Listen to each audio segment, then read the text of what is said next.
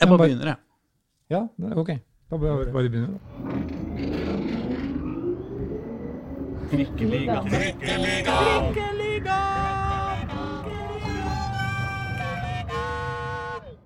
Mine damer og herrer og andre, velkommen til Trikkeligaen sesong tre, episode sju. Dagsavisens eh, eminente podkast om Oslo-fotball. Jeg heter Aslak Borgersrud, og med meg har jeg Reidar Solli. Han sitter her, Ja! malmklar, midt, inn, midt innimellom alle disse ordslagene som pågår både tidlig og seint. Vi skulle, vi, skulle eh, hatt, vi skulle vært flere mennesker i disse tider, eh, Reidar, sjøl om det er offseason. Ja, men, men off-season er jo noe av det mest spennende. Ja. For da skjer jo så veldig mye rundt lagene. Og vi ser jo så vanvittig mange spillere i aksjon. Det er jo ingen kamper som nå spilles, men det er jo nesten 30 spillere som er innom her i disse kampene. Så vi Ja, men vi henger med i svingene. For oss eh, som bare ser kampene på TV, så må vi også si at offseason er jo Det er da vi får soleklart verst eh, produksjons... TV-produksjoner. Men sånn er jo livet. Da er det desto viktigere å lytte på oss, så man Ja. får en liten oppsummering av hva som egentlig har skjedd. Ikke sant? Vi er eh, på vei til å pakke sammen eh, vårt podkastutstyr og eh, reise den ikke så lange turen opp til Valle. Fordi der har vi fått audiens hos eh, nye treneren til eh, damelaget til Vålerenga, eh, Nils Lekserød. Eh, så vi eh, tenkte å prøve å finne ut av hva som foregår med han. da. Hva, hva er han for en fyr? Hvem har hørt om han før? liksom? Det er jo så, så mye å grave i. Nei, så det er en østfolding da, som har kommet inn til Vålerenga, og som da er veldig spennende, fordi vi veit knapt nok noe om han. Han har trent et J19-landslag. J23 år, han ikke det? Ja, U23, U23, for kvinner. kvinner ja. Han var jo til og med kandidat til å bli landslagssjef for A-laget. Kvinner. Men alt dette kommer vi jo tilbake til når vi skal opp der. Han tok en viktigere og bedre jobb, eh, selvfølgelig, eh, og ble trener for Vålerenga damer. Absolutt. Ja, Så vi skal eh, opp og besøke han straks, og så etterpå, hvis du henger med videre etter det, så skal vi også ta en ørliten kikk på det som har vært av treningskamper i Obos-ligaen denne uka. Ja, Da skal vi da særlig konsentrere oss om våre tre venner i Obos-ligaen. Ja. Grorud og Skeid, som da møttes internt. Mm. Uh, Skeid har nå reist på treningsleir til Tyrkia. Og så må vi selvfølgelig innom KFM, som eh, er ubeseira i treningskampene, og som er først ut med tellende kamper i år, med kvartfinale mot Brann 12. mars allerede. Oh, Men KFM er i Det er spennende. Ja, ja men det, alt dette sparer vi til etter vi har vært og snakka med Nils Lekserød, så heng med!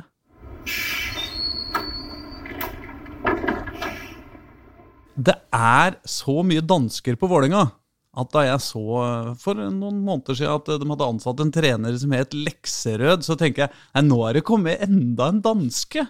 Men det hadde jo ikke det. Det var jo deg, Nils Lekserød, og du er jo fra Halden. Det er et stykke unna Danmark. Ja, det er jo det. Men uh, det jeg pleier å si når noen ringer meg og jeg er på vei herifra hjem til Halden i bilen, Ja, så sier jeg at eh, nå er jeg på vei mot Europa. ja ikke sant. For eh, Du du, du, kan, mer- du kan ikke bo nærmere Europa enn i Halden. Dere er litt kontinentale, rett og slett, der nede. Nei, det tror jeg veldig få ville påstå men, men vi er i hvert fall nærme Sverige, og, vi, og det er retning Europa. Ja, det og det er sant. dit Vålerenga skal. Ja, Det er dit Vålerenga skal, selvfølgelig. Ja, men For du kjører ned dit hver dag. Du bor i Halden. Jeg bor i Halden, Ja. men jeg er i Oslo et par netter i uka Ja, i nettopp. forbindelse med jobben. Ja. Nei, men Så kult at du ville komme. Jo, takk for at jeg fikk lov til å komme. Vi tenkte å bable fotball og, og uh, alt mulig i uh, lenge og vel. Men uh, vi må, jeg tenkte at vi skulle begynne å snakke om deg. Ja, Eh, Fordi jeg tror det er mange folk som bryr seg om Vålerenga, som ikke veit hvem du er. Sjøl visste jeg ikke hvem du var heller uh, da du fikk jobben. ja vi oppklarer det, da. Så da måtte jeg google deg, og da fant jeg et intervju eh, med deg eh, fra Os skole. Som jeg tenkte å lese opp i sin helhet. Og det går sånn her. Jeg gikk på O-skole. Nils Lekserød syns det er morsomt med fotball, og det har han likt siden han var seks år. Han var mellom 13-14 år da han skjønte at han ville bli trener. Nils har vært trener i 11 år. Vedkommende journalist er veldig flink til å sette punktum, og det er, det er viktig, det. Ja. Første kampen som trener var i 2004 i Sarpsborg. Nils har ingen forbilde, men han liker Arsén Wenger, Jørgen Klopp og den norske treneren Øyvind Nilsen. Han syns at spillerne skal ha en trening som lærerikt, morsomt, og som gjør at de får lyst til å trene mer. For at man skal bli en trener, må man ta trenerkurs. Nils spilte først i Halden fotballklubb, så bytta han til Kvikk da han var 15 år gammel. Det morsomste han opplevde på fotballbanen, var opprykket til førstedivisjon med Sarpsborg i 2005. Hvis Nils ikke var en fotballtrener, vet han ikke hva han hadde blitt, men han hadde valgt noe med å lede mennesker og jobbe med ungdom. Nils vet ikke om han kommer til å savne å være vanlig trener, kanskje litt svarte han.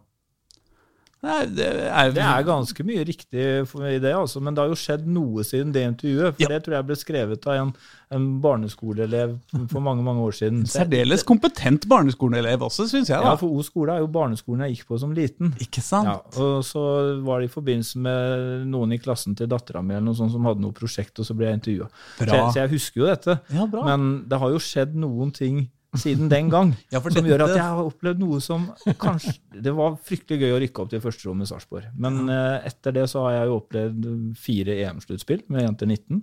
Ikke sant? Uh, deriblant en semifinale mot, eh, mot Tyskland, som vi riktignok tapte. Men altså, de mesterskapene der ville jeg vel plassert høyt nå, tror jeg. ja, ja. Altså, semifinale i EM eller opprykk med Sarpsborg, det er jo ja, ja.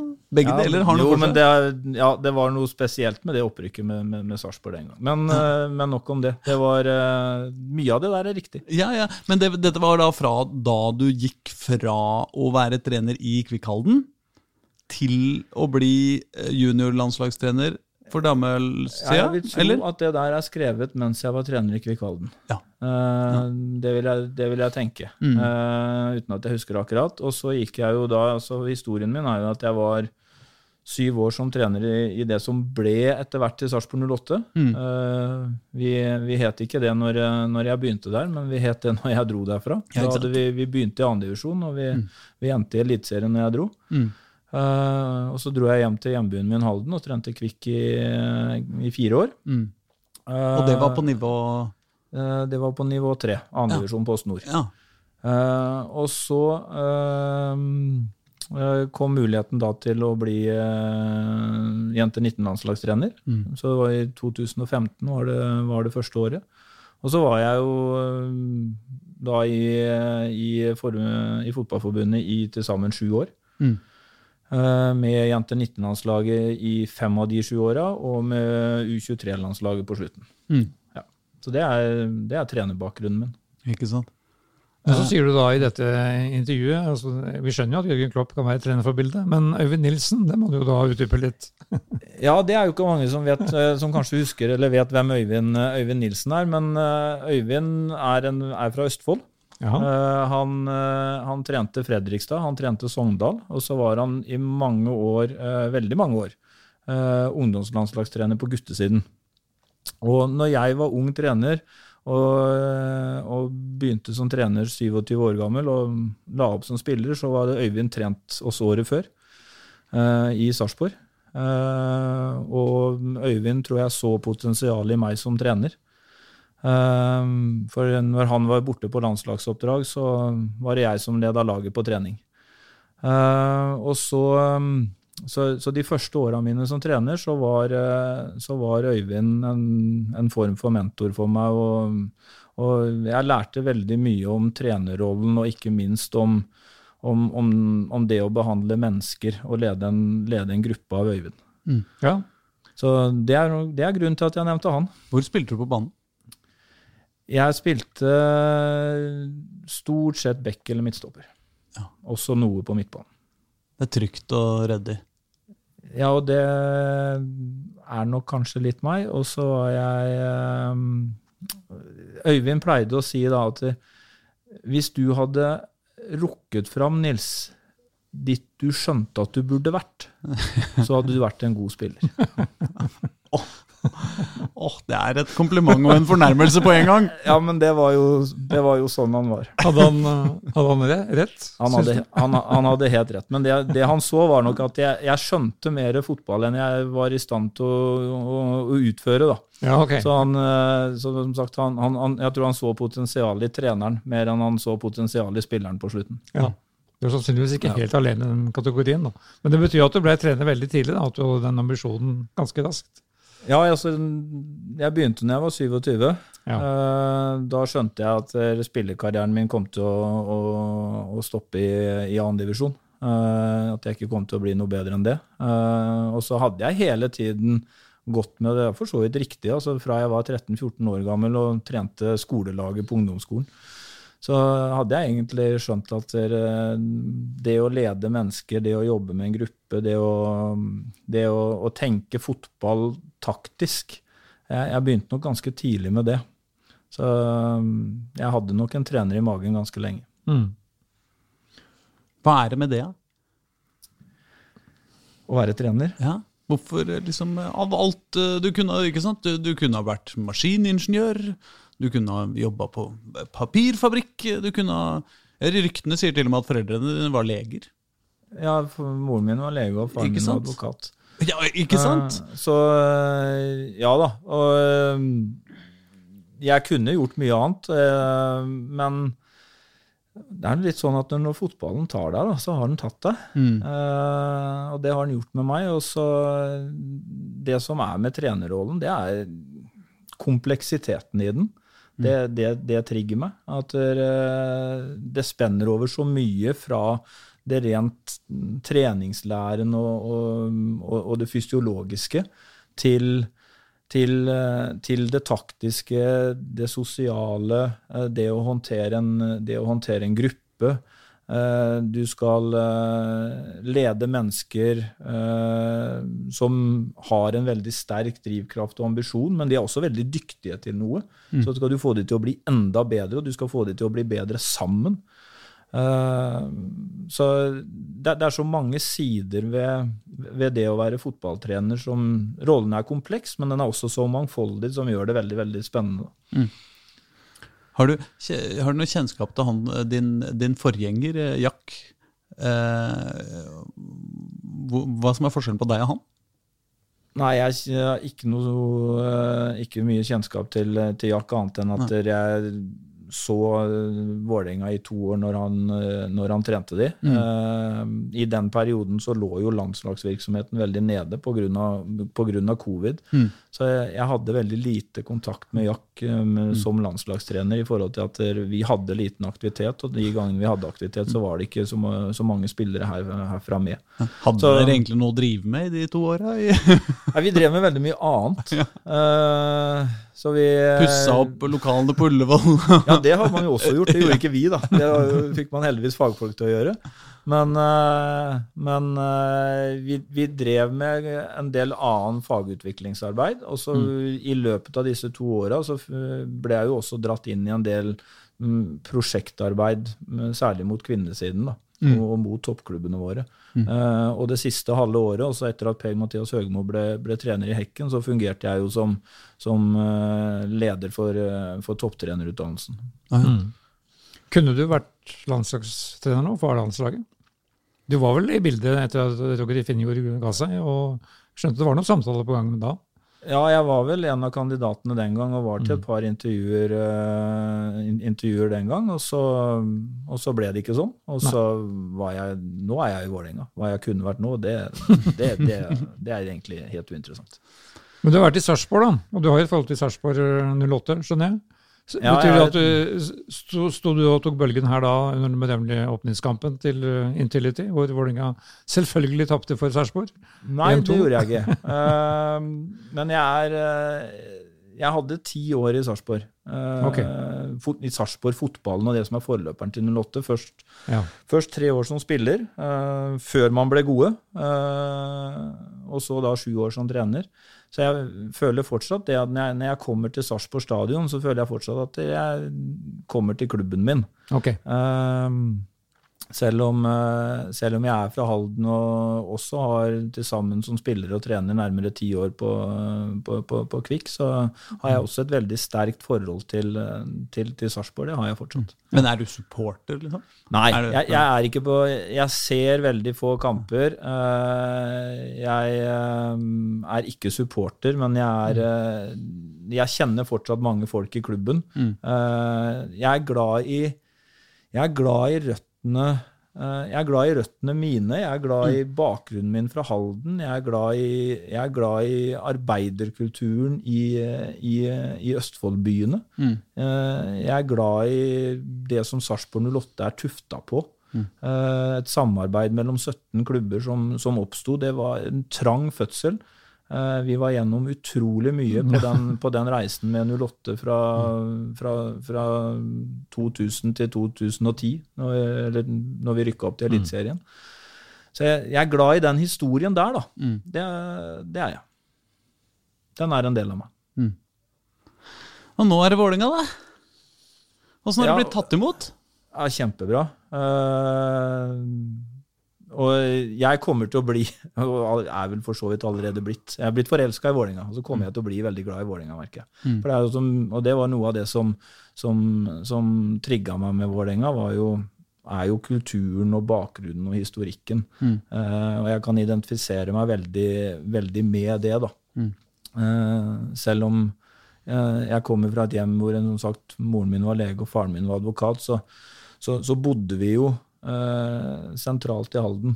Eh, og jeg gikk på en sentrumsskole. eh, og, på det tidspunktet jeg vokste opp, så var jo, en, så var jo en Halden en, en arbeiderklasseby. Eh, Arbeiderpartiet hadde over 50 av, av stemmene ved kommunevalget, og fagforeninga styrte mer eller mindre byen.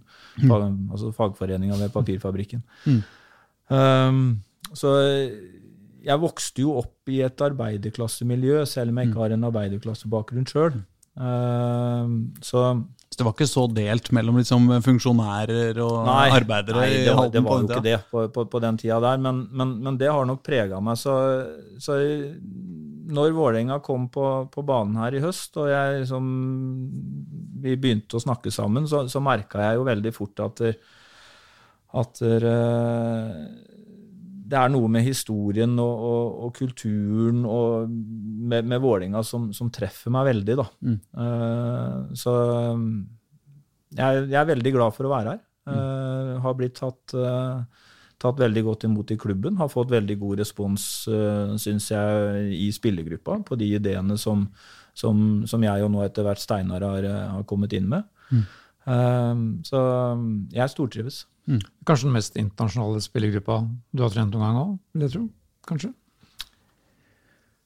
Ja, vi hadde, vi hadde noen utlendinger i, i, i, Sarpsborg også. Ja. Uh, så ja, kanskje. Jeg er faktisk ikke sikker på, på antallet. Men uh, det, går veldig, det går veldig greit. Den er, mer, mer internasjonalt enn et landslag.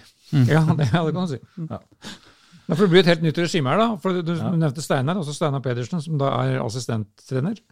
Så det er jo egentlig da, Jeg forbinder han med en, liksom en eh, A-lagstrener. Han har jo vært på høyeste nivå og til og med spi, spilt i Borussia Dortmund. Det er jo ikke alle som, som husker. Men eh, Så det er et spennende han har vunnet Champions League? Han har vunnet Champions League. Har han det, eller? Nei, Ja. ja, ja. Han, han vant Champions League med Borussia Dortmund og spilte to kamper i gruppespillet. Han har det på CV-en sin, som ikke Ja. så veldig mange andre nordmenn har. kan du si. Jentene, jentene reagerte litt. Han ville først ikke si det, da. Nei. Og så eh, sa jeg Steinar, nå er du for beskjeden med spillekarrieren din. Må du, nå må Ja. du si hva du har oppnådd. Og så sa han da foran jentene første dagen at han hadde vunnet Champions League. Altså, det, det skjedde noe i blikket på dem da.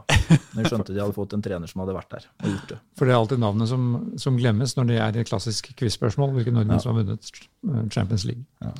Nei, men det er jo eh, noe med Altså, jeg husker den der eh, TV-serien eh, eh, om, om Vålerenga hockey. Iskrigerne. Iskrigeren. Ja, Ja. der drev alltid sjampo og drev og fleksa med Dro fram det ikke sant, ved enhver anledning når han trengte å kjefte på spillerne litt ekstra. liksom, så hvor mange kongepokaler har du, liksom? Hvor mange NHL Ikke sant? Hva det nå heter.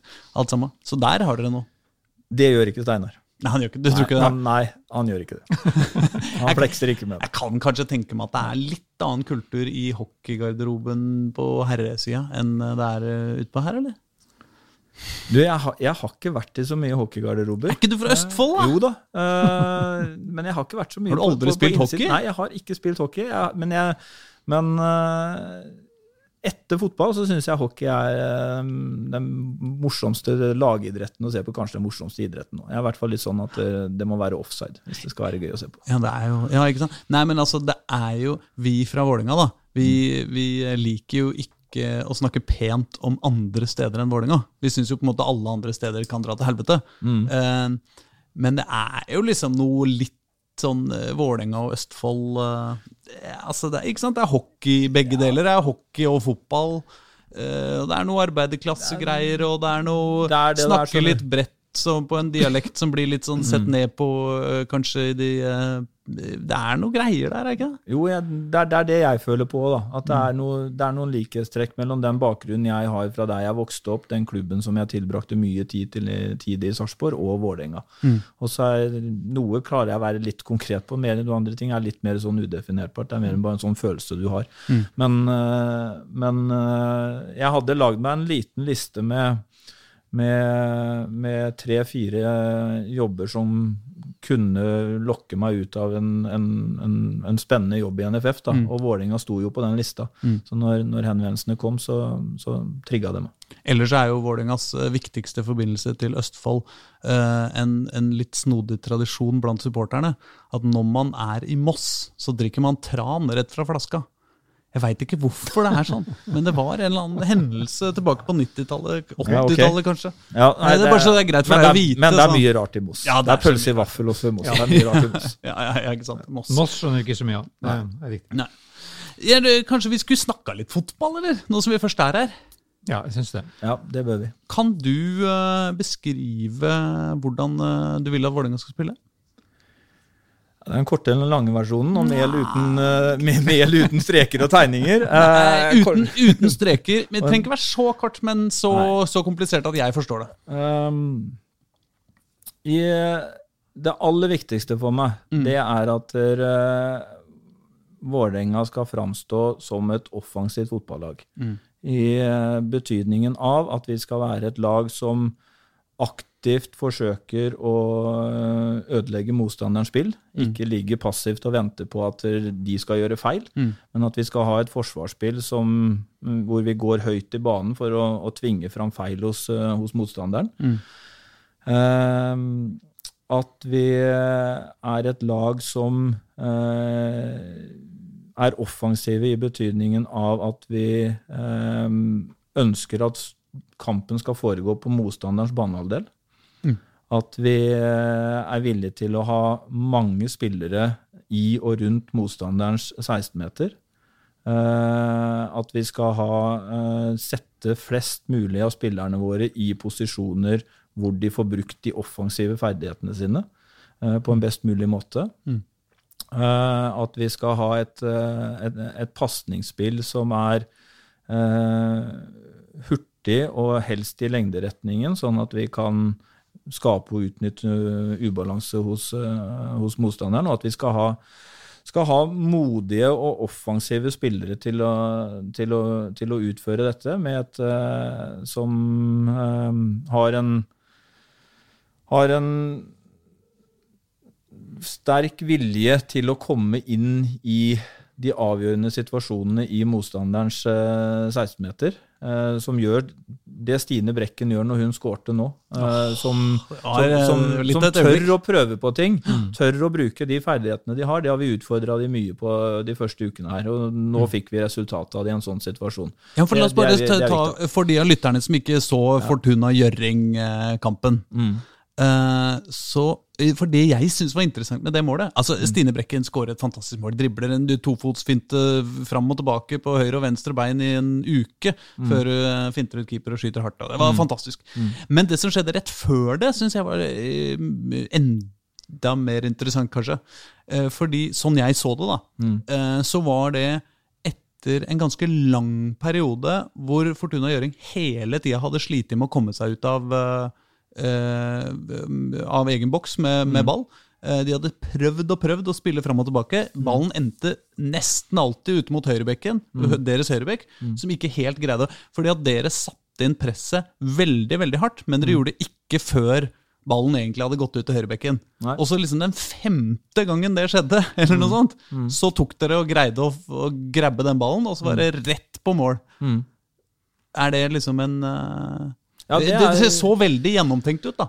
Ja, og heldigvis så var det det, da. Ja. Uh, og det er jo som jeg sier, at vi, vi ønsker å stå høyt i banen for å tvinge fram feil hos motstanderen. Mm. Og, og det klarer vi jo i, i, i den situasjonen der. Og når, og når vi vinner den eh, ballen, så ønsker vi også å se etter muligheten til å, å, å, å gå hurtig framover. Ikke for enhver pris. Altså Hvis muligheten er der, så, så skal vi gripe den. Mm. Men uh, hvis den ikke er der, så skal vi også være gode til å spille oss ut av den situasjonen og beholde ballkontrollen. Men vi ønsker som sagt at å, å, å stå mest mulig med laget på motstanders banehalvdel. Eh, og det jeg var i ferd med å si før jeg kom inn på den situasjonen, var at det, det krever jo spillere som er gode til å vinne igjen ballen da, med en gang vi mister den. Mm.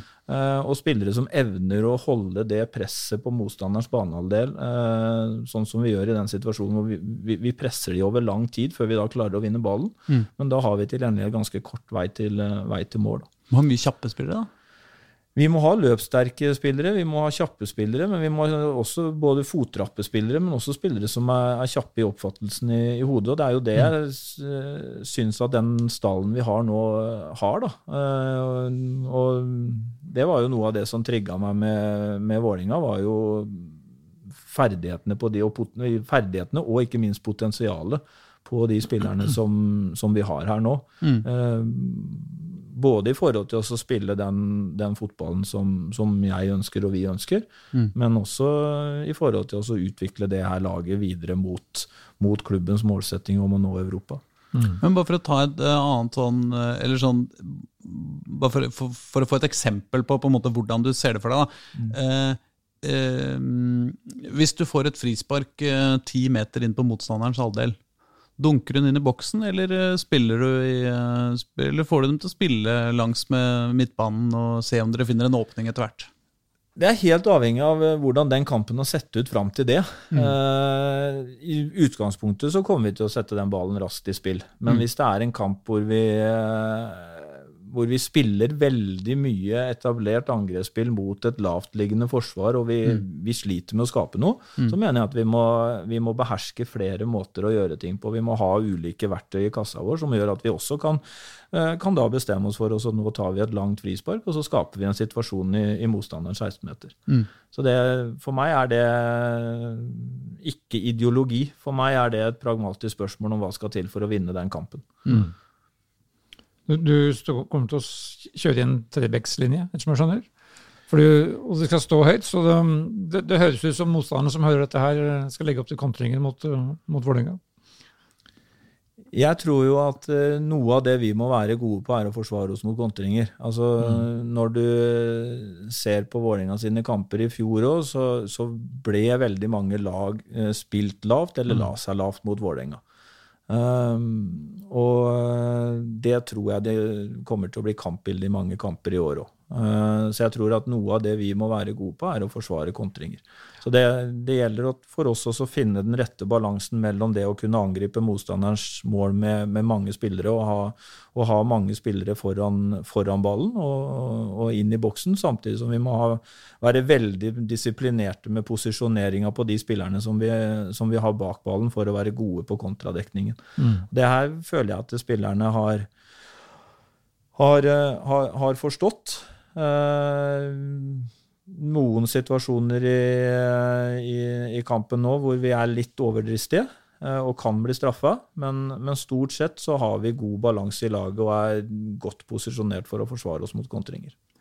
Ser du for deg Stefanovic i den bakre treeren, eller skal hun spille på midten? Eller har du ikke bestemt Hun, det? eh, hun kan spille i, i begge leddene. Ja. Eh, grunnen til at hun har spilt de to siste kampene nå i det bakre leddet, er at Camilla Huseby har vært ute med, ute med skade, så det har gitt oss en mulighet til å også, også forsøke henne der. Eh, før det så jobba vi mest med Stefanovic som, som midtbanespiller, men vi har hele tiden tenkt på henne som en, en, en spiller som kan dekke oss i en posisjon i den bakre treeren. Okay. Ja, for, altså, jeg skjønner jo også at uh, dette har du ikke lyst til å si. Diana har helt åpenbart mye mer lyst til å spille offensiv enn uh, enn i Forsvaret. Men hun hører ikke på, tror jeg. altså. Så ja, det går om hun så hørte på, og så tror jeg faktisk hun også nå kan mer norsk enn hun, eh, enn hun, enn hun noen ganger gir uttrykk for. Men eh, så hadde hun sikkert skjønt det. Men altså, først og fremst så er hun en profesjonell spiller. Eh, Så det tipper jeg at hun har et profesjonelt forhold til. Og vi, og vi har allerede hatt noen samtaler rundt Uh, hvor jeg har forberedt henne på hva som blir, uh, hva som blir rollen, og, hvor, uh, og muligheten for at hun kan komme til å spille både på midtbanen og i, i en bakre tre. Det jeg er bekymra for, er selvfølgelig at Diana har jo den egenskapen at hun fire ganger i året skyter et 35 meter langt frispark i krøsset. Eller, eller langskudd i krøsset. frispark kan hun fortsatt ta. Ja, ja, men jeg- jeg- men, men hvis du la merke til én ting i kampen mot Fortuna, da, og det er her den her, uh, som vi har jobba mye med å få inn i spillergruppa, den her offensive innstillingen. Mm. Så dere når Diana var på overlapp i motstanderen 16-meter, Mm. og hun spiller sidestopper? Mm. Det, er- det er noe som jeg ønsker at skal liksom være et, et, et kjennetegn på oss. Det er at eh, vi skal gi spillerne den offensive friheten, samtidig som vi, vi må ha en Uh, vi må ha den her balansen vi snakka om i stad i forhold til å kunne forsvare oss på kontringer. Men det var det noen andre som fanga opp, at nå hadde Diana litt seg ut på det løpet, og så dekka de for henne på det. Og så, Det var jo den største sjansen vi skapte i første omgang. Da var hun faktisk på overlapp i motstanders 16-meter og slo en ball på tvers inn som, til en stor sjanse for Thea Bjelde. Og, og, og det har vært faktisk altså Det er noe vi, vi jobber mot, å kunne, kunne framstå sånn. Ellers, eh, den kampen, eh, den eh, gikk jo ganske bra. Var jo et, en god motstander eh, dere spilte mot, var det ikke? Jo, jeg tror det. Det er ikke noe Dillala noe lag, Nei, egentlig. altså, Det er vel Danmarks nest beste lag, ikke? De ligger jo på andreplass i Danmark nå. og Det er jo en klubb som historisk sett har, har, har gjort det bra i Danmark. Mm. Eh, så jeg, jeg antar at det var et bra lag vi spilte mot nå. Men tidligere i, i vinter så har jo ikke treningskampene vært sånn har ikke vært sånn overvelda av resultatene.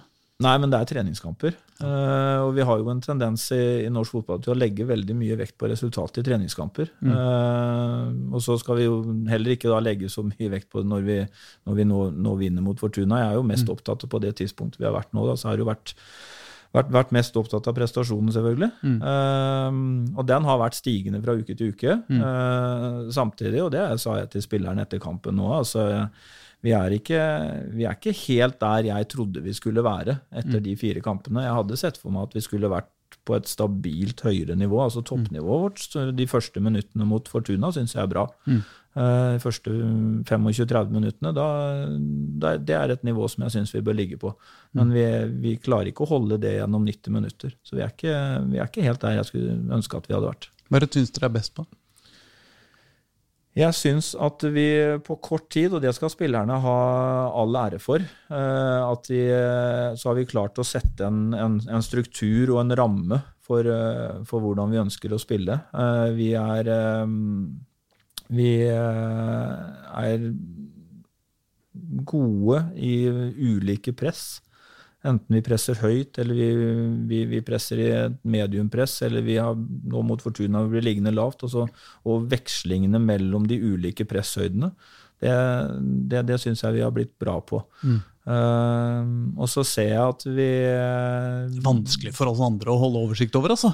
Ja, det Det er vanskelig å være enig eller uenig med Nei, dere. det behøver, du, det behøver du for så vidt ikke være. Men, men det syns jeg vi har Det har falt ganske raskt på plass. Og vi har jo, vi har jo bare sluppet inn ett mål på disse kampene, og det var et, det var et langskudd i den første kampen. Eh, så den biten er jeg fornøyd med. Eh, så ser jeg at eh, vi blir bedre og bedre i forhold til det å, å finne de rette rommene når vi skal spille oss ut av press. Eh, Enten det er for at vi, vi setter i gang ballen fra keeper og, og, og blir pressa, eller vi har vunnet ballen i en situasjon på banen og får press på oss med en gang og skal spille oss ut derfra. Så det ser jeg bevisstheten hos spillerne på, på hvor de kommer til å finne ledige rom, og hvor de skal posisjonere seg for å spille oss ut av det presset. Det, er- det har blitt bedre. Eh, der jeg føler at vi har eh, mest å gå på, det er i, i å utnytte de gode mulighetene vi får, enten ved at vi spiller oss til de, eller ved at vi vinner ballen fra motstanderen høyt i banen på, og kommer gjerne i et, et liketall eller et overtall fire mot tre, tre mot tre, fire mot fire, og, og klare da å omsette det til, en, eh, til et uh, totalt gjennombrudd og komme til en målsjanse. Mm. Vi, vi, har skapt litt for lite i de kampene.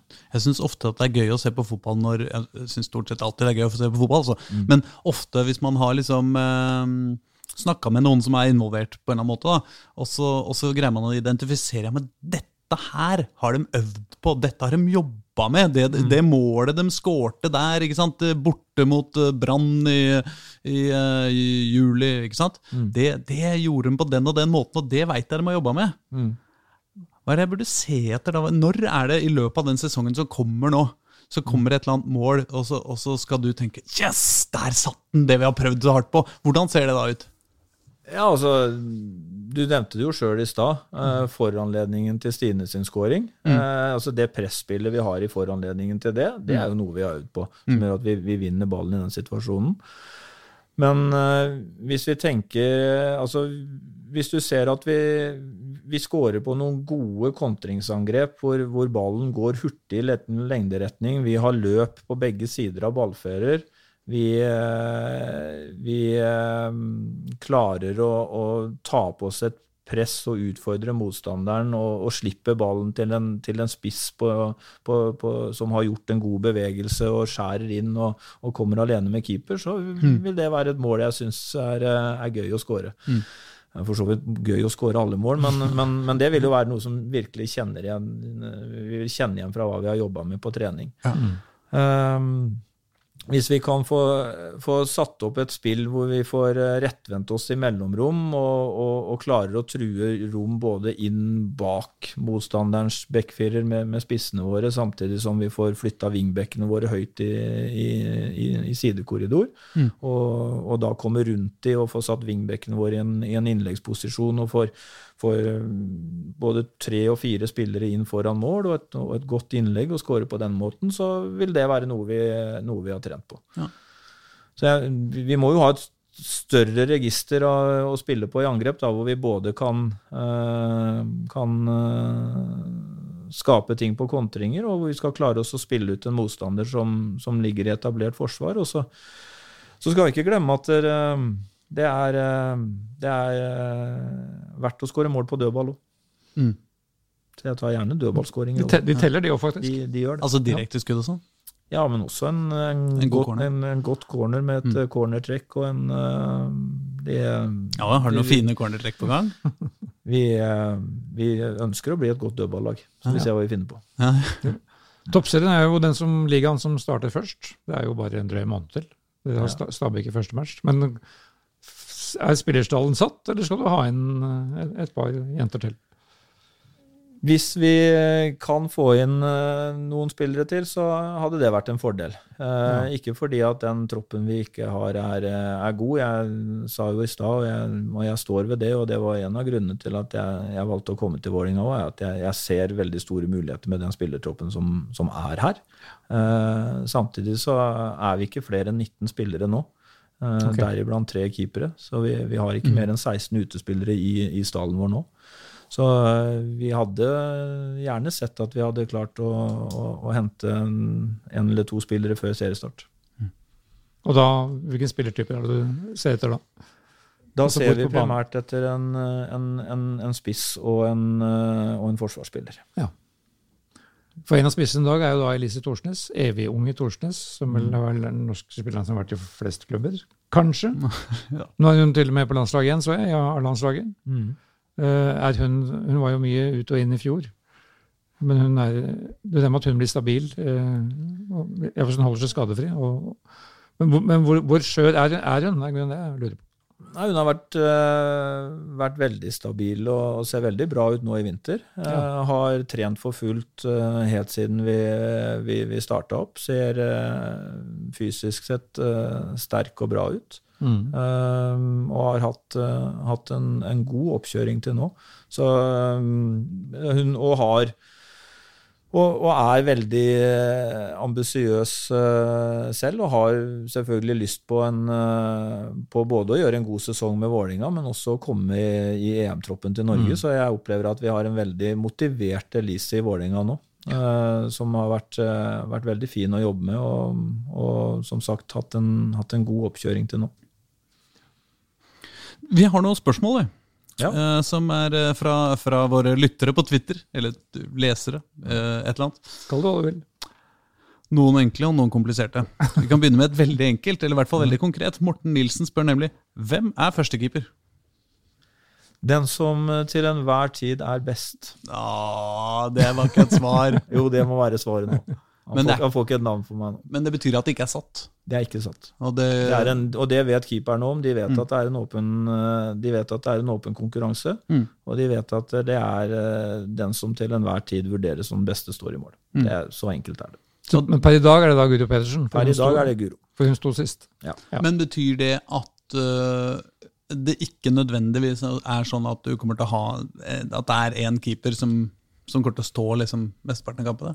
Forhåpentligvis så står jo den keeperen som står godt, og da, da er det jo ikke noen grunn til å bytte. Og akkurat nå så er det Guro som står, og hvis Guro presterer godt og står godt, så, så står Guro. Ja. Men uh, de andre keeperne vet at det er en, det er en åpen konkurransesituasjon. Det har det kun vært de siste årene her. Altså, det har vært temmelig jevnt mellom de to keeperne. Det var jo de to amerikanerne i fjor. Ja. Så dette fortsetter. Um, Jonny Normann Olsen spør uh, et lett og et vanskelig spørsmål. Jeg tar det lette først. Ananas på pizza, ja eller nei? Nei. Nei. Uh, så det vanskelige. Hva er den største forskjellen på å trene senior herrelag kontra senior kvinnelag? Det spørsmålet har jeg fått ofte, Ja. uh, og den er veldig, veldig liten. Mm. Eh, når jeg bytta fra og trente i herrefotballen i elleve år, eh, hadde aldri trent jenter før, Mm. Uh, så eh, var jeg jo veldig spent på det. Og så oppdaga jeg at forskjellen var veldig liten. Og mens jeg trente, trente landslag, så hadde jeg ofte med meg trenere som jobba i herrefotballen eh, som assistenter, deriblant Steinar, som var med meg et år. Mm. Samtidig som han da var i herrefotballen, og hadde egentlig i hvert fall referansene sine og bakgrunnen sin fra herrefotballen, og de, de opplevde det samme. Altså forskjellen er veldig, veldig liten. Eh, Så er det noen nyanser i, eh, i spillet som du må ta hensyn til, blant annet at eh, du har keepere med en annen rekkevidde Mm. enn enn du har i, enn i herrefotballen. Men Hvordan forholder du deg til det, da, sånn, som, som trener? Altså, det har noe å si for hvordan du forsvarer deg på, på innlegg. Mm. Eh, Det har noe å si for hvordan du både angriper og forsvarer deg på dødball. Mm. Eh, Altså, en gjennomsnittlig kvinnekeeper er 174 cm høy. Herrekeeperen er nesten 20 cm lenger. Mm. Og har lengre armer og en, en, en større spenn. Så det er, det er liksom en kjempeforskjell i rekkevidde Mm. på, en, på en herrekeeper og en, og en kvinnekeeper. Um, og så er det, det er også noen andre nyanser i forhold til at det er det, det er færre kvinnelige spillere som, som kan slå en 60 meters uh, presis crosspasning, Mm. som, som du da, da må forsvare deg mot. Så det er, så, som gjør noe med hvordan du kan organisere laget ditt. Men sånn i forhold til måten du behandler mennesker på, uh, måten du jobber med spillergruppa på, uh, veldig, små, veldig små forskjeller. Altså, der jeg merker at det er en forskjell, det er jo at eh, jentene har eh, en enda sterkere altså, Eller du behøver aldri å tvile på hva som er jentens motivasjon for å spille fotball. Mm. Fordi at det er å, det er å bli gode. Det er å vinne noe. På, på, på herresiden så kunne du innimellom stille deg spørsmålet hva er det egentlig som driver disse spillerne her? Er det, er det, liksom, er det oppmerksomheten? Er det lønningsposen? Er det muligheten til å kjøpe seg en finere bil? Eh, altså Fram til nå i hvert fall så har liksom ikke det vært et tema på kvinnesiden, for den muligheten har ikke vært der, og eksponeringen har ikke vært så stor. Så liksom, du kan være helt sikker på at det disse, det disse vil, det er å bli best mulig. Mm. Eh, Så den dedikasjonen er kanskje enda sterkere på kvinnesiden. Men er det noen forskjeller i hva slags uh, uh, egenskaper spillerne har uh, opparbeida seg opp gjennom barndommen og sånn? Altså Er det, sånn, er det, er det noe sånne, sånn det, jenter damer er mer opptatt av sånne ting enn sånne ting? Eh, Nei, jeg har i hvert fall ikke merka det på, på, på det nivået jeg jobba. Eh, og så tror jeg nok at det som er tilfellet, er at det er en det er, Mange gutter har nok tidligere blitt eh, stimulert på en sånn måte at eh, de er mer skolert på et tidlig tidspunkt enn det, enn det jentene er. Eh, Hva mener du sånn strategisk og sånn? Ja, både taktisk og teknisk. Mm. Altså, de, har, de har fått tidligere fått uh, bedre veiledning og bedre trenere. Mm. Uh, men når det kommer til uh, Og, og, og når, når det kommer til motivasjonen, dedikasjonen for spillet, Mm. så opplever jeg liksom jentene er, er like, like dedikerte, de som, som, som det gutta er. Mm. Men det kan være at eh, fordi at de har blitt stimulert og fått, hatt bedre trenere når de, når de var unge, at eh, guttene er litt mer opptatt av å, å, å se fotball og litt mer fotballinteressert Mm. enn en det kanskje en del jentespillere er. Men, men vinnerskallene er like store blant jenter som blant gutter. Ja, Ja. absolutt. Er det forskjell på, eh, forskjell på garderobene? Hvordan de møter deg som trener, f.eks.? Altså sånn, da kunne man jo se for seg at noen var mer At eh, kanskje gutta var mer individualister, skulle ha mer eh, du vet, sin egen lønn og sånn, mens eh, jeg vet ikke, damene er mer organiserte, eller noe sånt? eller? Nei. Nei. Eh, det er der jeg tror det er en del misforståelser og myter i forhold til at, eh, at det er mer intriger i en, i en jentegruppe, at de er mer opptatt av det sosiale, at de er liksom Nei. Det Jeg syns mi, Min opplevelse med det er at eh, det er større forskjeller internt i kjønnene, altså mellom Ja. gutter Ja. og mellom jenter. Du har alle, du har alle mennesketyper. Enn du kan si at jenter er sånn og gutter er sånn. Men det er jo ganske viktig òg, altså at du har, en, du har en sammensatt gjeng i den garderoben. Du trenger klovnen, og du trenger den stille og rolige. Og det, du har typene, syns du? Ja, vi har kanskje litt få klovner i den, Ok. eh, i den gruppa her. Det er, en, eh, det er en skikkelig gruppe. Eh, Ja. med- det er litt for ordentlig? Ja, det er, jeg tror jeg mistenker det. Ok. Ja. Ja, dere, kanskje, dere har kanskje mista noen av de mest klovnete spillerne? I hvert fall noen av de mest show, show mest utadvendte, hadde jeg på å si. Vi, vi får se. Når de, hva som, det er ofte sånn at når noen forsvinner, så er det noen andre som fyller en sånn rolle. Så får vi se hvem som dukker opp. på vitsinga. Ja. Du skal ha en spiss med klovneegenskaper? er ja, med. Det er kanskje bedre å ha en spiss med klovneegenskaper enn en forsvarsspiller. jeg vet ikke. Ja, ja. I hvert fall på banen. Nem- Nemlig. Toastmannen på Twitter. Ja. Jeg vet ikke hva det betyr, men eh, han, han spør nok i hvert fall. Hva er tanken bak endringen i formasjon og spillestil? Er det ikke en fordel å spille slik rekruttene og hele utviklingsavdelinga gjør, med tanke på å hente opp yngre talenter? Er du redd for at det kan ta tid å venne seg til en ny spillestil, sånn at, og at vi sånn kan havne bakpå i vårsesongen? Nei, Som jeg sa i stad, så føler jeg at eh, altså, spillerne har tatt til seg de ideene som vi har jobba med i vinter, på en, på en veldig god måte. Jeg tror at vi, eh, vi langt på vei er i ferd med å sette, en, uh, sette den formasjonen vi ønsker å spille. Mm. Uh, så jeg er ikke sikker på om forskjellen i spillestil blir så, blir så stor, selv om, vi, um, selv om vi kommer til å spille i en annen formasjon. Eh, tanken bak å spille en, en, en 3-5-2-formasjon med Vålinga i år, er at eh, det er den formasjonen jeg mener kler mange av spillerne våre best. Mm. Eh, hvor vi nettopp får, som jeg sa innledningsvis, her, får satt veldig mange av spillerne våre i, eh, i situasjoner hvor de får brukt de offensive ferdighetene sine på best mulig måte. Mm. Jeg, jeg syns vi har veldig spennende wingbacker i, i Anni Thomsen og Andrine Tomter. Mm. Eh, Jeg syns vi har en veldig god sentral midtstopper i, eh, i Stine Ballishager Pedersen, som er en rolle hun har på det danske landslaget. Mm. Jeg, jeg Hun, har, hun er ikke i slekt uh, med Steinar? Nei. Nei, nei. Ikke det jeg vet, i hvert fall. uh, men, men det er som sagt en rolle hun har på det danske landslaget som hun, hun, hun behersker godt. Vi har eh, sidestoppere som, som er glad i duellspill i sidekorridor, i Camilla Huseby og Ingebjørg Sigurdardottir. Mm. Eh, vi har eh, ulike typer på midtbanen. Eh, vi var innom Stefanovic her. Vi har eh, vi har løpssterke, kvikke spillere i Rikke Nygaard, eh, Thea Bjelde, Stine Brekken.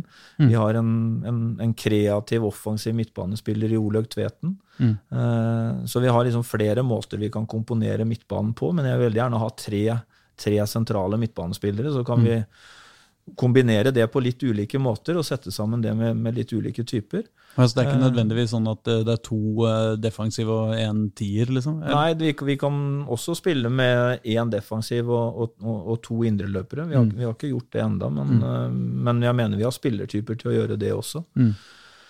Eh, og så eh, liker jeg å ha to, to spisser som kan, eh, som kan jobbe sammen, særlig, særlig i et presspill. Og jeg mener at vi har litt ulike spisstyper her også, med, med Elise som har, har sine styrker i og rundt motstanderens boks, med, med Agnete som er mer en, en, en allround-spiss, og, og Runa Lillegård som har sin, sin styrke i bakrom. Mm. Så um, jeg, jeg mener at det er en formasjon som, som kler den spilletroppen vi, vi har godt. Eh, og i forhold til det som spørsmålsstilleren trekker opp her med, med, med, rekruttlaget, så er det jo sånn at nå kommer rekruttlaget til Vålerenga også til å spille på samme måte som A-laget. Ja. Sånn at vi, vi, okay. vi, vi går heller den veien, da. Ja, ja. At, at, og det har ikke vært et krav fra min side. Det er et valg som de som jobber med rekruttlaget har gjort, for å så bygge et enda tettere bånd mellom, eh, mellom rekruttlaget og A-laget på Mm. framtida. Men du har ikke vært redd for å bytte formasjon, liksom? Nei, jeg har ikke det. Fordi at øh, Jeg mener at øh, fotballen er for så vidt sånn allerede nå, men i, vei- og, og framtidas fotball tror jeg kommer til å bli det i enda større grad. At, at lag kommer til å beherske og spille med flere formasjoner. Og, det, og, og øh, den taktiske fleksibiliteten som et lag har, kommer til å bli større og kommer til å bli viktig. Du ser, du ser det allerede nå, at lag endrer mer formasjon eh, fra kamp til kamp, eller til og med i kamper. Eh, og det ser du på, på nesten alle nivåer i toppfotball. Men det var jo veldig lett for oss supportere i fjor når eh, både mennene og damene spilte omtrent sånn samme 4-3-3. Ja. Så hvis, eh, hvis du nå bare kan få Dag Eilev også til å legge over til Trebekslinje, så hadde det kanskje vært enklere for oss, da. Tror, du- det er en jobb. Kjenner du Dag Erlef? jeg, jeg, jeg kjenner ikke Dag Erlef, men jeg kjenner han godt nok til å vite at det gjør han ikke. Men, men er det liksom felles eh, Sitter dere i lunsjen og diskuterer fotball, liksom? Ja, men, mens, sånn mens jeg har vært her nå, så har jo de stort sett vært på treningsleir. Ja, så vi, vi så de litt her den første uka, og så dro de. Mm. Eh, men jeg, det var jo, jeg merka det den uka de var her, at Mm. det, det var et, eh, en veldig sånn fin omgjengelighet mellom, mellom herrelaget og damelaget her. Mm. Det, det var det. At dere er ett lag, liksom? Eller, Eller i hvert fall en klubb. En klubb. Jeg la, la merke til at du brukte Ja, du har, du har flere spørsmål, kanskje? Jeg har flere Jeg spørsmål. bare, bare men det var litt interessant med det Du brukte begrepet sidestoppere, som ikke så mange har brukt før. Altså av de, de, I den treeren hvor de to som ligger ytterst. Så det Er sånn, er det en ny benevnelse, er det en ny spillertype vi skal avle fram her, som er en mellomting av bekk og stopper? Ja. Ja. Fordi at de vil operere både i en ren stoppeposisjon, men også i løpet av kampen så vil de operere i en, en ren backposisjon. Ja. Så eh, vi bruker konsekvent betegnelsen den sentrale stopperen, og så har vi to okay. sidestoppere. Da over til eh, lista. Ja, øh, da skal vi til et spørsmål fra Sverre B.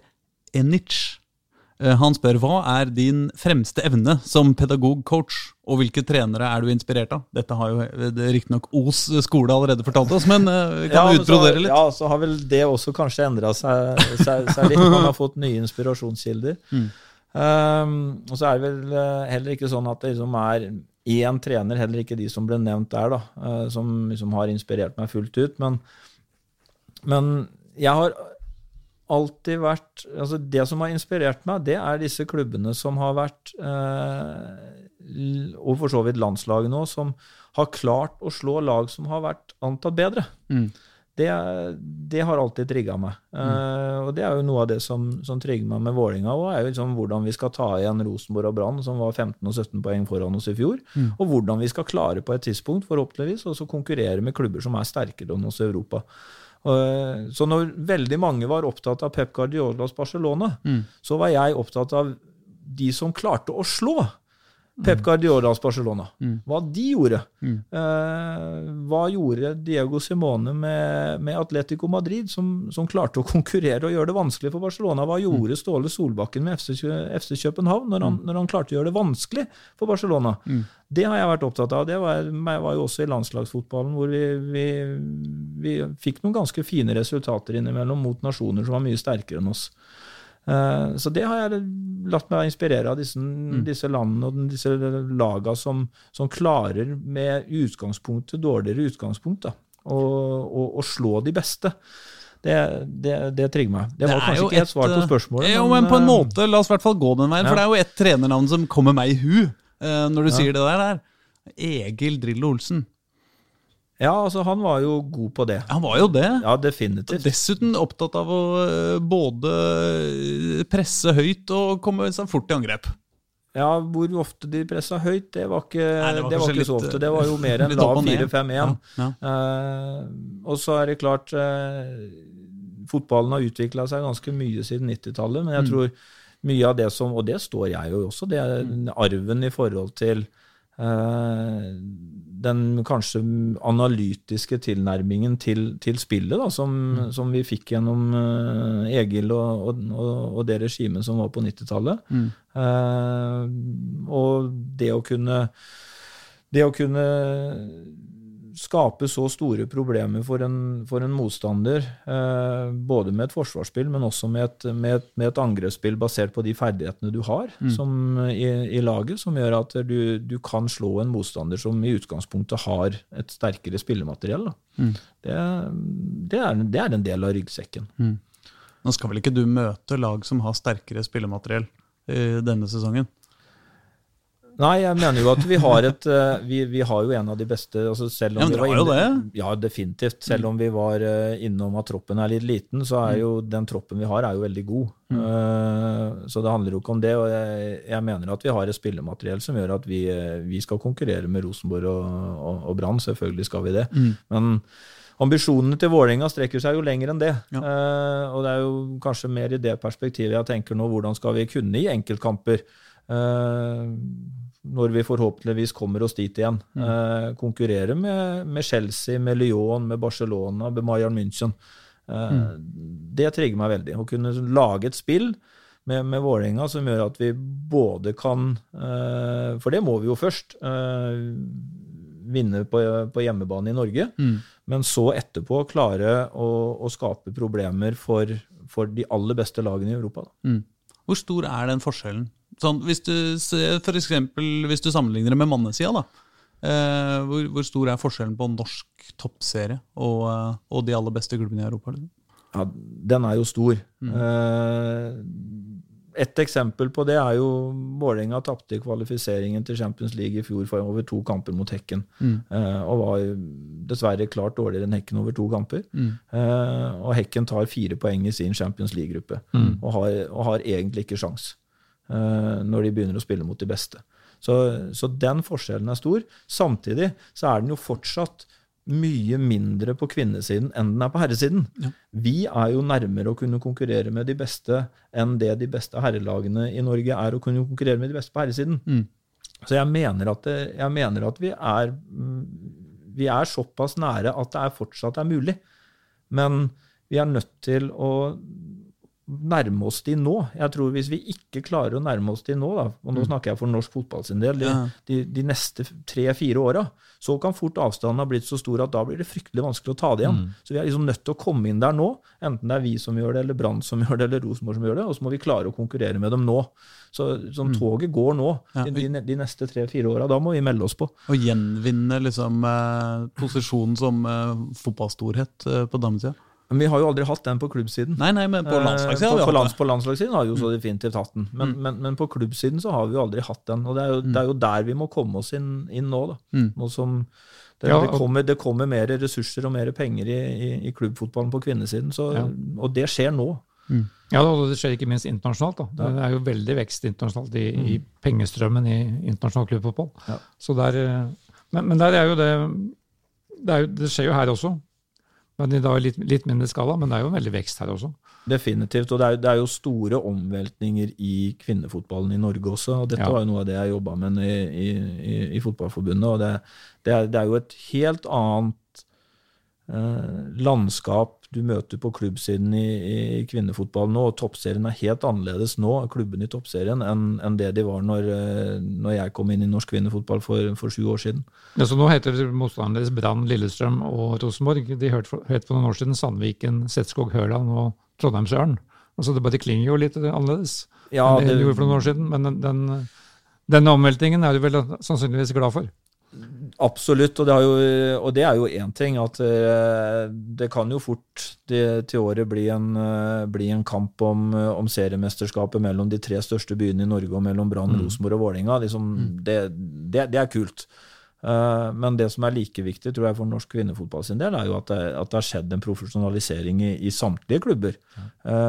det er ikke bare i de, i, i de største klubbene som, som det har skjedd. Altså, det, er en, det, er, det er en profesjonalisering i, Lyn og Kolbotn og, og Klepp og, og Arna-Bjørnar og, og Stabæk også. Men hvor viktig er egentlig den profesjonaliseringen? Jeg hører folk snakker om det, men jeg veit liksom ikke helt hva det betyr, annet enn at det høres jo mer behagelig ut å spille i en mer profesjonell klubb, på en måte. Nei, men det handler om eh, Det handler først og fremst om eh, trenerressurser. Mm. eh, og tilretteleggingen i, i hverdagen for å kunne få bedre kvalitet på det spillerne gjør.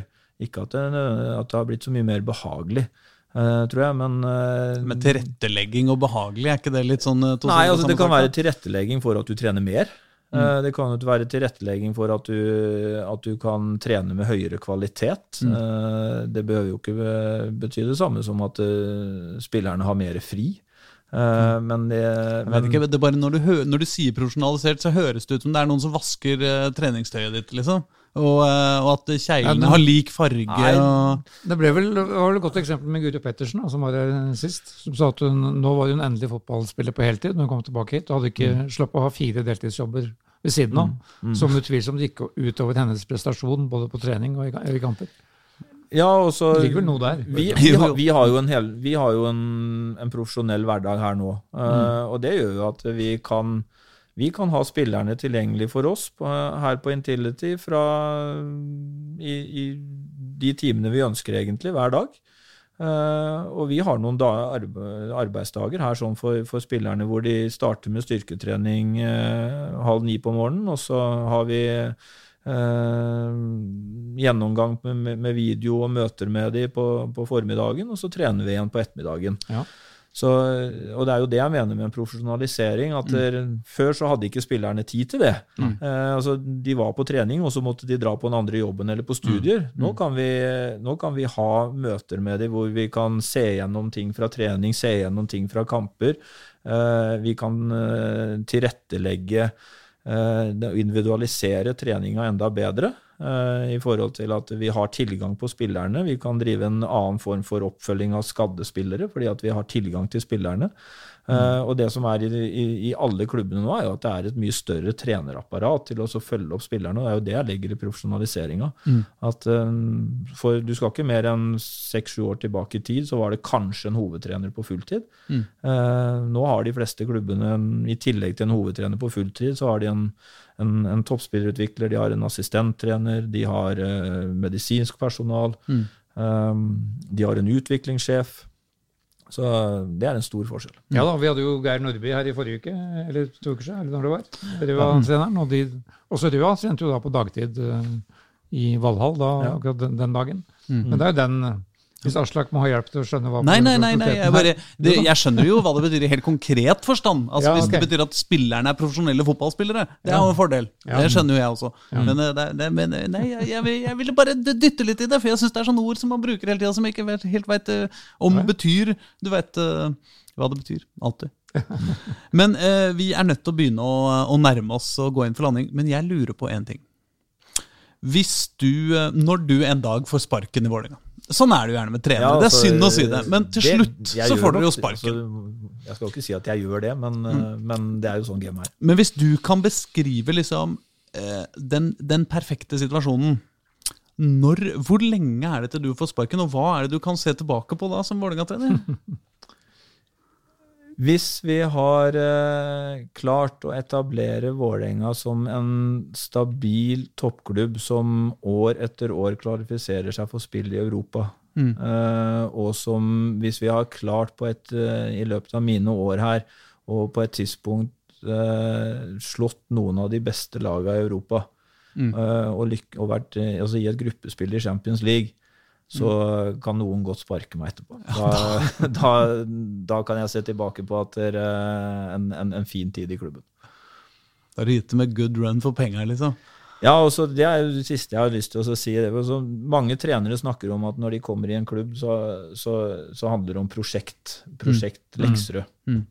Eh, Jeg ser jo ikke sånn på det. En- En klubb er jo ikke et prosjekt. Mm. Et prosjekt har en start og en slutt. Mm. Eh, En fotballklubb har definitivt ikke en start og har heller ikke en slutt. Mm. Eh, Og så er jeg- og mine, og, og mine folk som jeg er her sammen med nå, vi er her og jobber en periode. Og så er målet at vi skal gjøre Vålerenga bedre i løpet av den perioden. og det er å se Hvis vi klarer å, å, å i løpet av den perioden å bli en stabil toppklubb som har prestert i Europa, så, så har Vålerenga blitt bedre i løpet av min tid her. Og, det, og så lever Vålerenga videre helt uavhengig av meg. Det er eh, her, her er vi inne på forskjellen mellom eh, reform og revolusjon. Ja, det kan du godt si.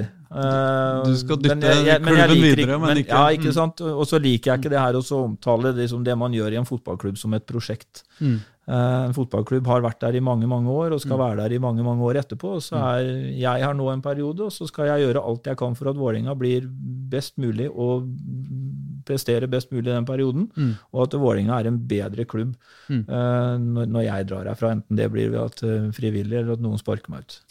For mange, veldig mange supportere, har jeg skjønt, så handler det om å vinne først neste kamp. Mm. Det ligger også, også i bunnen her, har jeg inntrykk av. Aslak. Gjerne for meg. Ja, du liker at de vinner neste Ja, kamp. men jeg må si at jeg, jeg altså, vi, som Vålerenga-supporter eh, så har jeg jo eh, sett en del prosjekter eh, komme og gå. Eh, noen her er fortsatt, går det an å, går det an å si. Men, men, eh, men det, mest, eh, det mest prosjektete prosjektet vi har hatt i Vålerenga, var jo på, på herresida, da Martin Andresen kom Ja. og tok med seg sju trenere og skulle ha prosjekt, prosjekt, prosjekt. Mm. og alt som var gjort før, skulle kastes på båten. Eh, Og alt skulle gjøres annerledes. Mm. Eh, så akkurat det klinger ikke så verst i mine ører å, Nei, å ikke lage jeg, prosjekt. Jeg altså. tror ikke noe på det. Vi, vi skal forvalte en kultur som har vært i Vålerenga, og bygge videre på det. Mm. Og så skal vi forhåpentligvis eh, levere fra oss noe som er enda bedre enn en, en når vi kom. Mm. Eh, og for å gjøre det, så må vi vinne, så må vi vinne fotballkamper. Mm. Det Eh, så det, det ligger jo i bånn, og så hele tiden jakte mot å vinne den neste fotballkampen. Og så har jeg snakka mye nå om, om ambisjonene og det som trigger i forhold til, til de europeiske ambisjonene til klubben. Men, men når vi kommer i gang med sesongen her, så vil det jo få du kjedelige svaret fra meg òg. Det handler om neste fotballkamp. Da skal du slå Kolbotn, liksom. Ja, skal vi slå Kolbotn, skal vi slå Stabæk, og skal vi slå det hele tida den vi spiller mot neste gang. Bare kjapt, dere skal på treningsleir nå, dere også. Eh, Ja. Reiser hvert øyeblikk. Hva bør skje, hva bør skje der? Eh, Da satser jeg på at vi har en eh, så godt som skadefri tropp. Jeg håper at vi, eh, vi unngår det som en del andre lag har blitt utsatt for på treningsleir, med, med koronasmitte. Sånn at vi, vi får en god treningsuke. Nå er jo mange av spillerne på internasjonalt oppdrag nå. Når vi kommer tilbake, så, så reiser vi mer eller mindre rett på treningsleir. Og, og da er det jo ikke mer enn enn tre uker til seriestart. Så, så det å få samla alle igjen da, og så kunne ha en, ha en god treningsuke, og så få, få avslutta med, en, med en bra kamp mot, mot Avaldsnes, det, det vil være fint. Ja. Spennende. Ja, men, da tror jeg, hvor, men hvor skal dere? Marbella. Litt Åh. alle andre her. Ja, det blir Marbella, ja. Ja. ja kan like liksom godt dra dit. Ja. Jeg syns det høres hyggelig ut, jeg. Det, når du sitter og ser ut på, på banen her nå som ligger litt uh, snødekt, så blir det ikke feil med en Marbella, vet du. Nei, men Tusen takk for at uh, vi fikk komme. Ja, tusen takk for at jeg fikk komme. Ja, ja, men det var vi som Du var jo her. Ja, her har jeg aldri vært før, men eh, jeg, begynner, jeg begynner å bli kjent på stadion. Ja. Bra. Ha det! Ha det godt, da.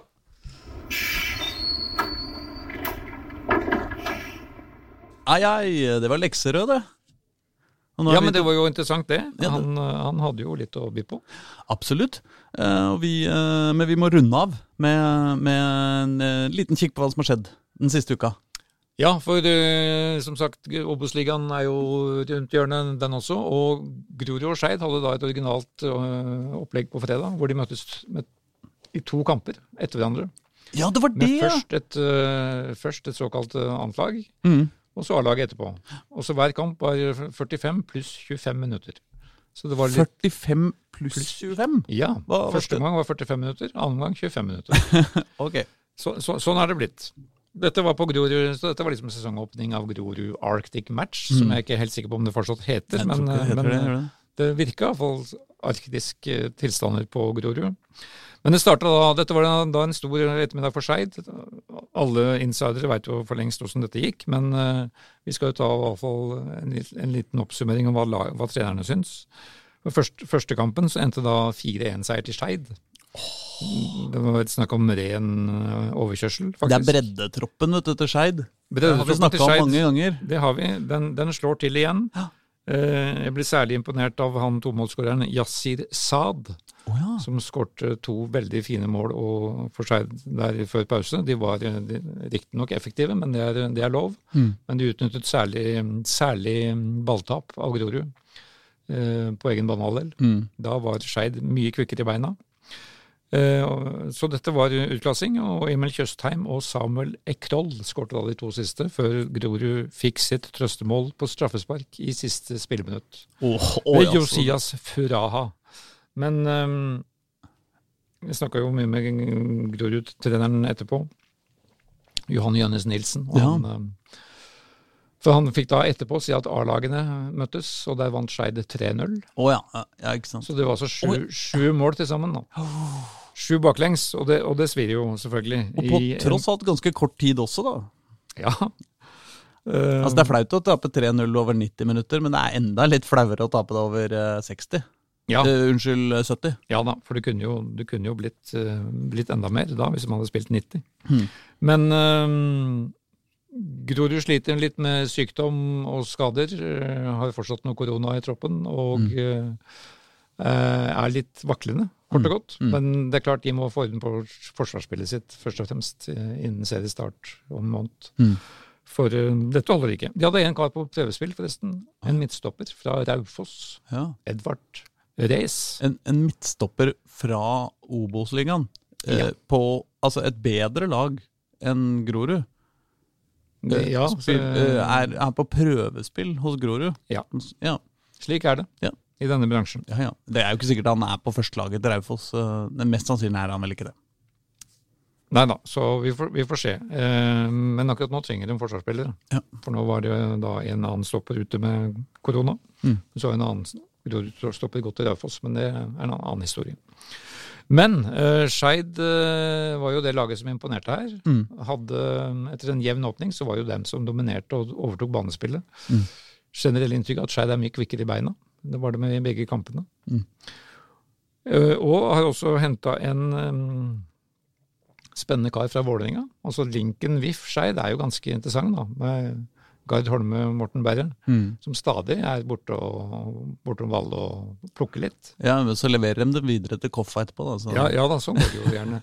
Så da nestemann til Koffa blir da Osmane Diallo Touré, Oh, ja! som trente mye med Vålerenga i fjor, Ja. med, A-laget. Mm. Men øh, og spilte veldig mye på annetlaget, selvfølgelig. Ja.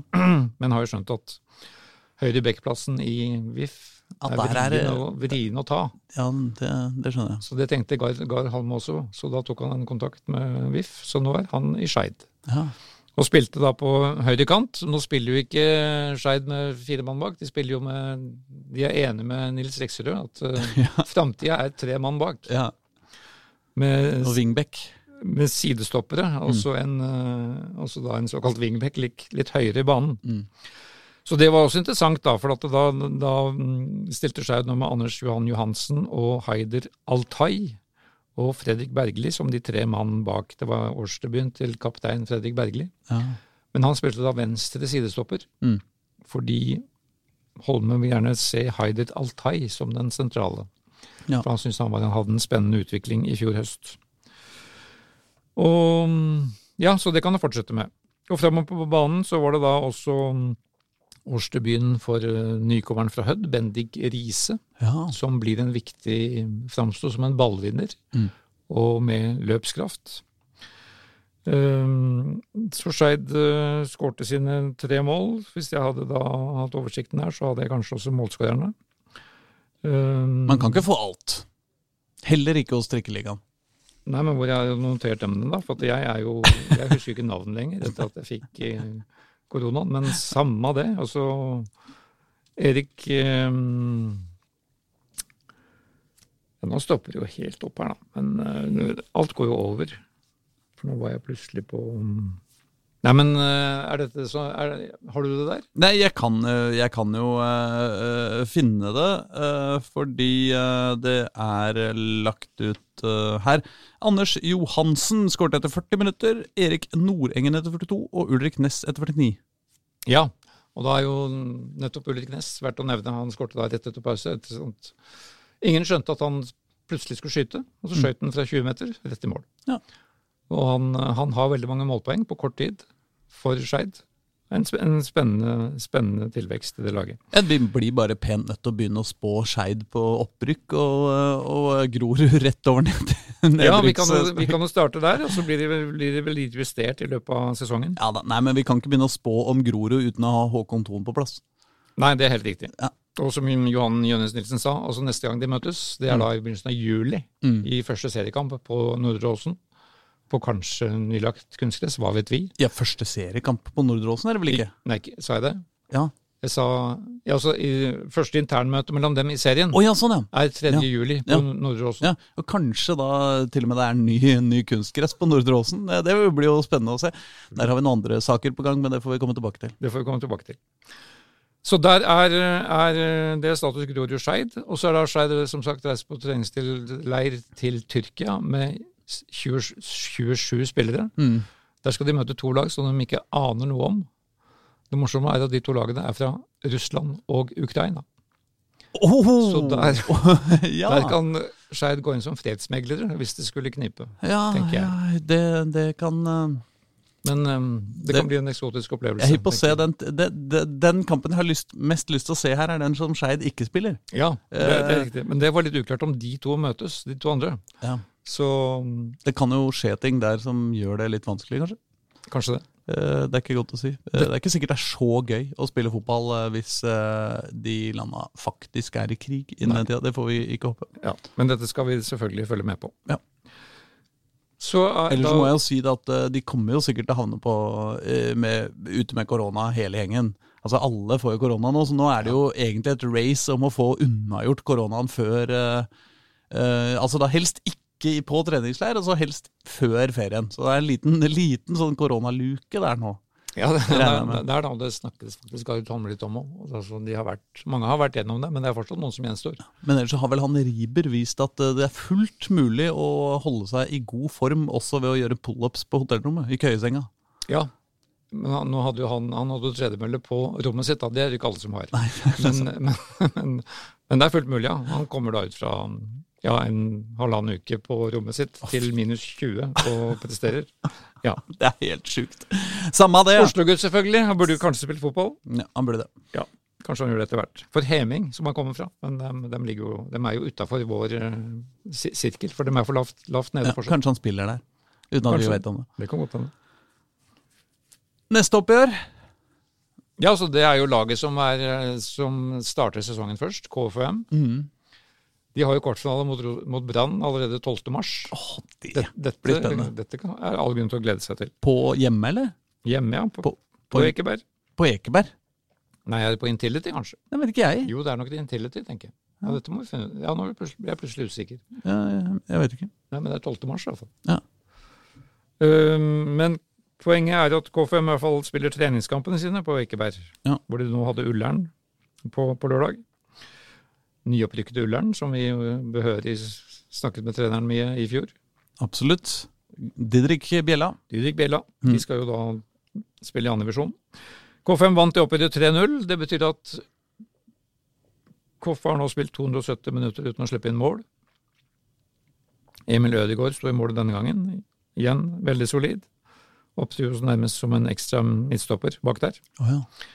Eh, full kontroll av, eh, som forventet av K5. Det skal de jo, den skal jo være bedre enn nulleren, selvfølgelig. Mhm. Eh, Jør- Jørgen Isnes roste da fælt Ullern eh, etter kampen. Det gjør man jo mot tapende lag, Ja. som har gjort sitt beste. Han roste dem for at de prøvde å spille sitt eget spill hele tida, ikke tilpasset seg K5s ballbesittelse. Men KFM K5 hadde også noe nytt å by på, da, blant annet første målskåreren Momodo Lion Nejie. Oh, ja. NGE. Det er vel broren til broren, holdt jeg på å si. Broren til broren? NGE. Ja. på en flott heading for, i første omgang der. Mens da Simen Hestenes, som, som kjent kommer fra Skeid, Mm. og som da jobber seg inn på midtbanen til, eh, til K5, eh, ifølge vår mann, som en, i en posisjon som en falsk nier. Altså en ganske offensiv eh, rolle. Mm. Han satte inn 2-0. Mm. Det er jo hyggelig i en av sine første kamper der oppe. Mens en annen nykommer, Thomas Klemetsen Jacobsen fra Moss, satte inn eh, straffesparket som ga 3-0 i en veldig kontrollert seier, hvor da mm, de særlig fremheva mm, cornerne til Keivan Gademini, som igjen eh, var oppspillet til 1-0. De er veldig bra. Det er en, han er en av de beste dødballsleggerne i Obos-ligaen, Mm. vil jeg påstå. Og så er det veldig hyggelig for KFM at Tor André Sørås, som, vi omtalt, som i vårt referat ble omtalt som Sander Berge Light, Ja. for å forklare hva slags spillertype det er. Ja. Han, øh, han har vært ute med veldig skadeplaget siste, året, siste årene, men er nå for, for fullt tilbake og kan rett og slett bli en tilvekst for, øh, for K5. Mm. Og som Isne sa til oss, som tidligere langrennsløper, så vet han, han, vet han mye om kondisjonstrening, og har holdt det ved like hele veien. Så han er lett, lettrent og i gang. Det er ryddig. Så det ser veldig bra ut for K5. Ja. For Ullern så var det da De viste bra motstand, men eh, vi må vel nevne deres eh, veterankeeper, da. Som, som var en, en av årsakene til at det ikke ble større nederlag enn 0-3. Han spiller fortsatt, ja? Terje Kirsebom skal spille andrevisjonen i år. Ah, ja, ja. Det blir veldig bra. ja det er bra. Da Vi kommer tilbake da til, eh, til disse lagene i, litt lenger ned. For det, de har, det ser så mye, så vi har ikke rukket å se alt. Men Kjelsås slo fram 1-0 borte. Og vi skal komme oss inn på Frigg også, som jo er oppe i den divisjonen etter hvert. Absolutt. Men skal vi Vi nevnte vel Vålerenga i toppserien. Ja, det- Den ble vel dekka gjennom eh, Nils Hek Lekserøds samtalen. Ja da, han, eh, den, den gidder vi ikke snakke om. eh, Men det har vært en annen eh, toppserietreningskamp, har det ikke det? Jo, for våre to andre lag, Lyn og Røa, møttes da også Ja. denne helgen. Med mm, Geir Nordby, Røa, Mm. som da vant den kampen 3-2 på Kringsjå. Og de gjorde det, ja? Det så, ikke, det, så, det så ikke bra ut for Lyn lenge. Altså Røa tok kjapt ledelsen 2-0 ved at de rett og slett overkjørte Lyn. Gikk rett i strupen og bare fossa på. Aha. Og Tuva Espås skårte da Røas to første mål. En, som, en av de få spillerne som faktisk er fra Røa. Um, godt gradene der. Men eh, en helt annen, mye større aggressivitet Mm. og intensitet i det Røa-laget. Det er med andre ord det er litt samme som Skeid Grorud, da. Så Det det sånn, eh, kan, kan være en parallell der. Mm. Og så, men så kom Lyn tilbake, da, etter hvert når det der åpningskjøret hadde lagt seg. Så Emilie Kloss og Monica Isaksen utligna etter hvert. Før Røa da hadde egentlig kontroll på denne kampen Mm. og vant fortjent. Og de hadde det, ja. Og de fikk da en matchvinner gjennom ja, Dette er et navn som kanskje du er flinkere til å uttale enn en meg. Oh ja, ja, altså For du er jo Du har vært i radio mer enn meg. Cassandra Ella Arcontolis Bogere. Ja. Altså, det er jo et uh, Jeg får lyst til å få henne på besøk i, i podden bare for de navnene. Det er fantastisk rytme. Eh, ja, også så mye forskjellig eh, Ja, nei, Cassandra Ella. Cassandra Ella Arcontolis Bogere. Det, det syns jeg eh, Ella er jo et gammelt, klassisk norsk navn. Ja, ja, Og så er er, det litt gresk her. ja, så er det litt her. gresk og noe Ja, det er, mye, det er mye rart. eh, Mye fint. Dette skal vi finne ut av. Det må vi finne ut av. Men altså da, Lyn mest bekymra, for det er jo tross alt ikke så lenge til seriestart i toppserien.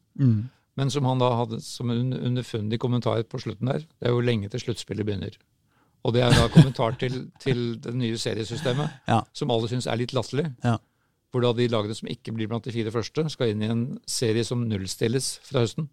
Ja. Så det spiller ikke noen rolle hvordan denne vårsesongen er gått. Og er ikke, ikke, ikke ikke, fra noen av dem? De tar ikke med seg poengene. Ikke nedrykk engang, Nei, eller noe? så, Nei. så han, eh, han hadde da tydeligvis gitt opp. Han innser at Lyn neppe blir blant de fire beste. Ja, og da er det egentlig bare, Det er bare å trene seg opp til sluttspillet. Hvor de da skal møtes i en ny serie, hvor de skal bli blanda med noen lag fra førstedivisjon. Dette kommer vi tilbake til, for dette er litt for komplisert for oss som er tilhengere av det gamle systemet med én tabell for én sesong. Ja. Ja. Så mm, Tom Stenevold og Lyn var ikke veldig bekymra, men uh, han sier at han har mye han har mye han må øve og trene på fram til seriestart om rundt 20. mars. Vi har mye OL å se, og mye, mye Det er mye som skjer i, i fotball nå. Eh, Vålerenga-sjappa åpner f.eks. i dag. Eh, altså i, på innspillingsdagen, nemlig tirsdag. Um, åpner en nyåpning av Vålerenga-sjappa. Det betyr vel sikkert at de legger ut drakter og sånn. og Kanskje de har noen nye Det er nok det, for nå har jo da Vålerenga endelig kommet hjem fra Portugal. Sin ja. serie der, der, som Ja. de behørig har dekket. Ja. Så nå puster de litt ut, for de møter da Stabæk i neste uke. Til første kamp for dem på Intility denne sesongen. Ja, Mens første trening har de visst i dag. Altså Ja. tirsdag igjen, da. Det er riktig. Men vi eh, kan jo gå og spise lunsj, og så kan vi overlate verden til eh, verden i en ukes tid til. Og så se på kombinert i 50 minusgrader i Kina. Åh, Da er det fint å være hjemme. Altså. Veldig bra. Ha det. Ha det.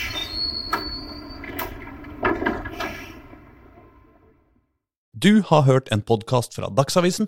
Ansvarlig redaktør heter Andreas Heen Haaland Karlsen.